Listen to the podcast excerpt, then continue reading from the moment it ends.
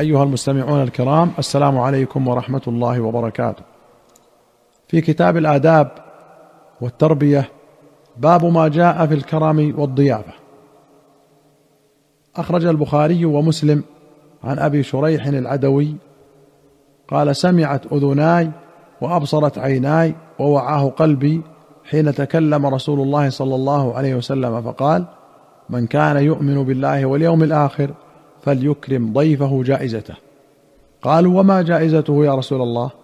قال يومه وليلته والضيافة ثلاثة أيام فما كان وراء ذلك فهو صدقة عليه ولا يحل له أن يثوي عنده حتى يحرجه. وفي رواية قال الضيافة ثلاثة أيام وجائزته يوم وليلة ولا يحل لرجل مسلم أن يقيم عند أخيه حتى يؤثمه.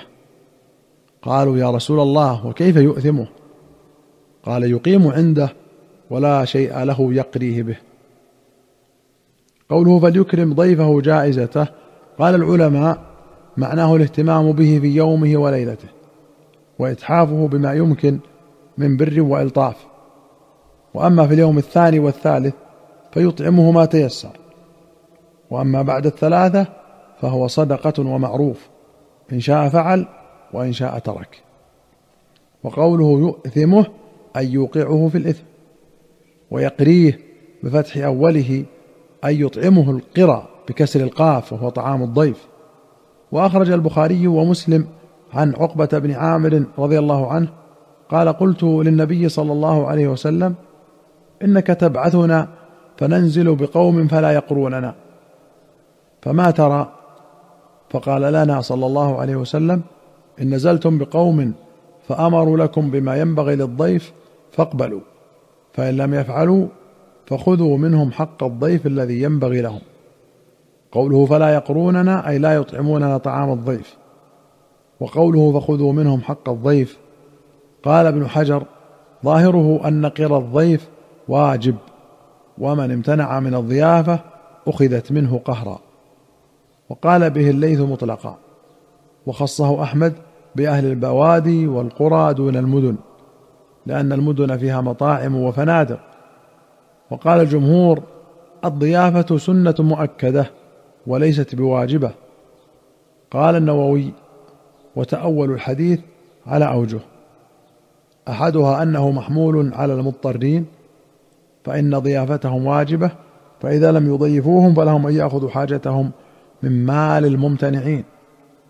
والثاني أن المراد أن تأخذوا من أعراضهم بألسنتكم وتذكروا للناس لؤمهم وبخلهم.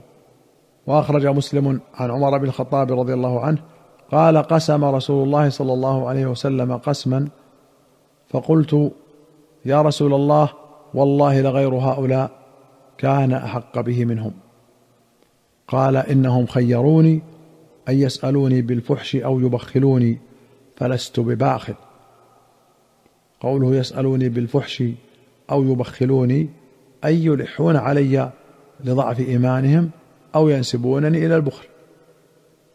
قال النووي وفيه مداراة أهل الجهالة والقسوة وتألفهم وجواز دفع المال إليهم إذا كان في ذلك مصلحة.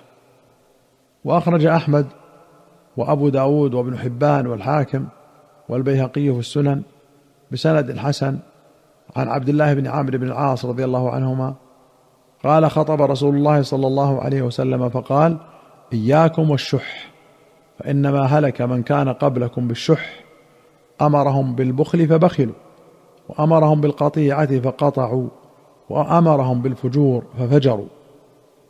قال الخطابي الشح أبلغ من البخل فالبخل في أفراد ما يمنع والشح عام من قبل الطبع. وقال ابن الأثير الشح أشد البخل. وقال الخطابي والفجور هنا الكذب. وأصل الفجور الميل والانحراف عن الصدق. ويقال للكاذب قد فجر أي انحرف عن الصدق.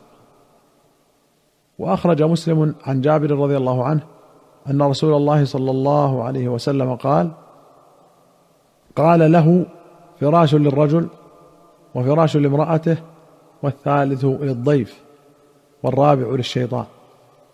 قال النووي قوله للشيطان قال العلماء معناه أن ما زاد على الحاجة فاتخاذه مباهاة مذمومة وقيل على ظاهره.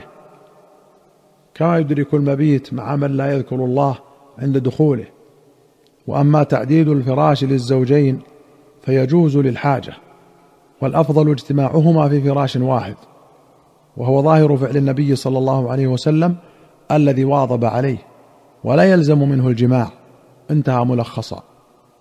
وأخرج البخاري ومسلم عن أبي هريرة رضي الله عنه قال جاء رجل إلى رسول الله صلى الله عليه وسلم فقال إني مجهود فأرسل إلى بعض نسائه فقالت والذي بعثك بالحق ما عندي إلا ماء ثم أرسل إلى أخرى. فقالت مثل ذلك وقلنا كلهن مثل ذلك. فقال رسول الله صلى الله عليه وسلم ألا رجل يضيف هذا رحمه الله؟ فقام رجل من الأنصار يقال له أبو طلحة فقال أنا يا رسول الله. فانطلق به إلى رحله فقال لامرأته هل عندك شيء؟ قالت لا إلا قوت صبياني. قال فعلليهم بشيء ونوميهم. فإذا دخل ضيفنا فأريه أنا نأكل فإذا أهوى بيده ليأكل فقومي إلى السراج فأطفئيه. ففعلت فقعدوا وأكل الضيف وباتا طاويين. فلما أصبح غدا إلى رسول الله صلى الله عليه وسلم فقال صلى الله عليه وسلم لقد عجب الله أو ضحك الله من فلان وفلانة. وفي رواية قد عجب الله من صنيعكما بضيفكما الليلة. فأنزل الله عز وجل ويؤثرون على أنفسهم ولو كان بهم خصاصة. وفي رواية فانطلق به إلى رحله فقال لامرأته أكرمي ضيف رسول الله صلى الله عليه وسلم. قال الحميدي وألفاظ الرواة فيما عدا ما ذكرناه متقاربة. قوله مجهود من الجهد وهو الجوع والمشقة. قولها ما عندي إلا ماء كان في أول الامر قبل أن يفتح الله عليهم وقبل خيبر وقوله طاويين أي أي بغير عشاء وقيل إن الرجل هو أبو هريرة. وقيل أبو طلحة هنا غير أبي طلحة المشهور زيد بن سهل زوج أم سليم فإنه كان غنيا. وأخرج الشافعي وأحمد وابن ماجه وأبو داود والترمذي والنسائي وابن حبان والطبراني والطبراني في الكبير والحاكم والبيهقي في السنن بسند صحيح عن لقيط بن صبرة قال كنت وافد بني المنتفق أو في وفد بني المنتفق إلى رسول الله صلى الله عليه وسلم فلما قدمنا لم نصادفه في منزله وصادفنا عائشة أم المؤمنين فأمرت لنا بخزيرة وفي رواية بعصيدة فصنعت لنا واتينا بقناع والقناع طبق من تمر. فلم ننشب أن جاء رسول الله صلى الله عليه وسلم يتقلع يتكفى فقال هل أصبتم شيئا؟ أو أمر لكم بشيء؟ قلنا نعم يا رسول الله. قال فبينا نحن مع رسول الله صلى الله عليه وسلم جلوس إذ دفع الراعي غنمه إلى المراح ومعه سخلة تيعر. فقال له رسول الله صلى الله عليه وسلم ما ولدت يا فلان؟ قال بهمة.